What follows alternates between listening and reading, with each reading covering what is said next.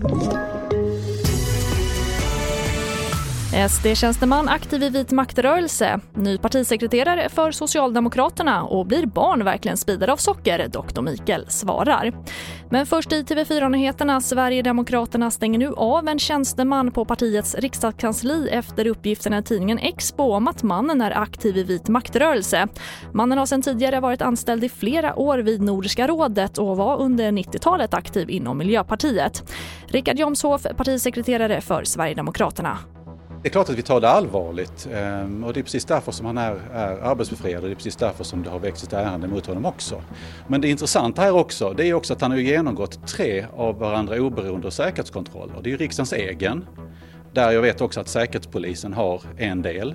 Vi har ett externt säkerhetsföretag och vi har ju vår egen kontroll så att säga. Och i samtliga har han då så att säga grönmarkerats och blivit godkänd. Så att det är med viss förvåning jag ändå konstaterar att han har kunnat slinka igenom. Och vi stannar kvar i politiken för Kommunals ordförande Tobias Baundin föreslås till ny partisekreterare för Socialdemokraterna.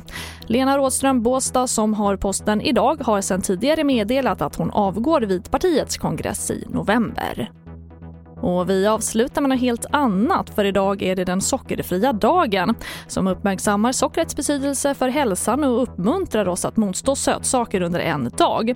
Dr. Mikael besökte Nyhetsmorgon i morse och slog hål på några myter om socker. Men socker måste vi ha. Socker är inte, det här är alltså en myt, socker är inte ett gift. Det är en förutsättning för liv. Mm.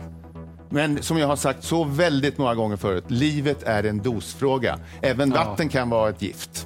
Men nu kan det här vara en myt? Barn blir spridare av socker? Ja, det där det är, ju lite, det är lite kul. För man, och nu, nu, är det barn, på kalas nu är det barnkalas och sånt där. Och det har gjorts många såna här beteendevetenskapliga studier på att, på, på att skrikande tjoande barn och de har fått godis och tårta och allting och så, så här. Men eh, man kan inte bevisa det. Men det är gjort en hel del på det här. Utan det är nog omvärldens förväntningar och påverkan och situationen som sådan. Men man kan inte mäta ett sockerrus. Det kan man inte göra. Alltså, och det sa alltså doktor Mikael som får avsluta TV4-nyheterna. Jag heter Charlotte Hemgren.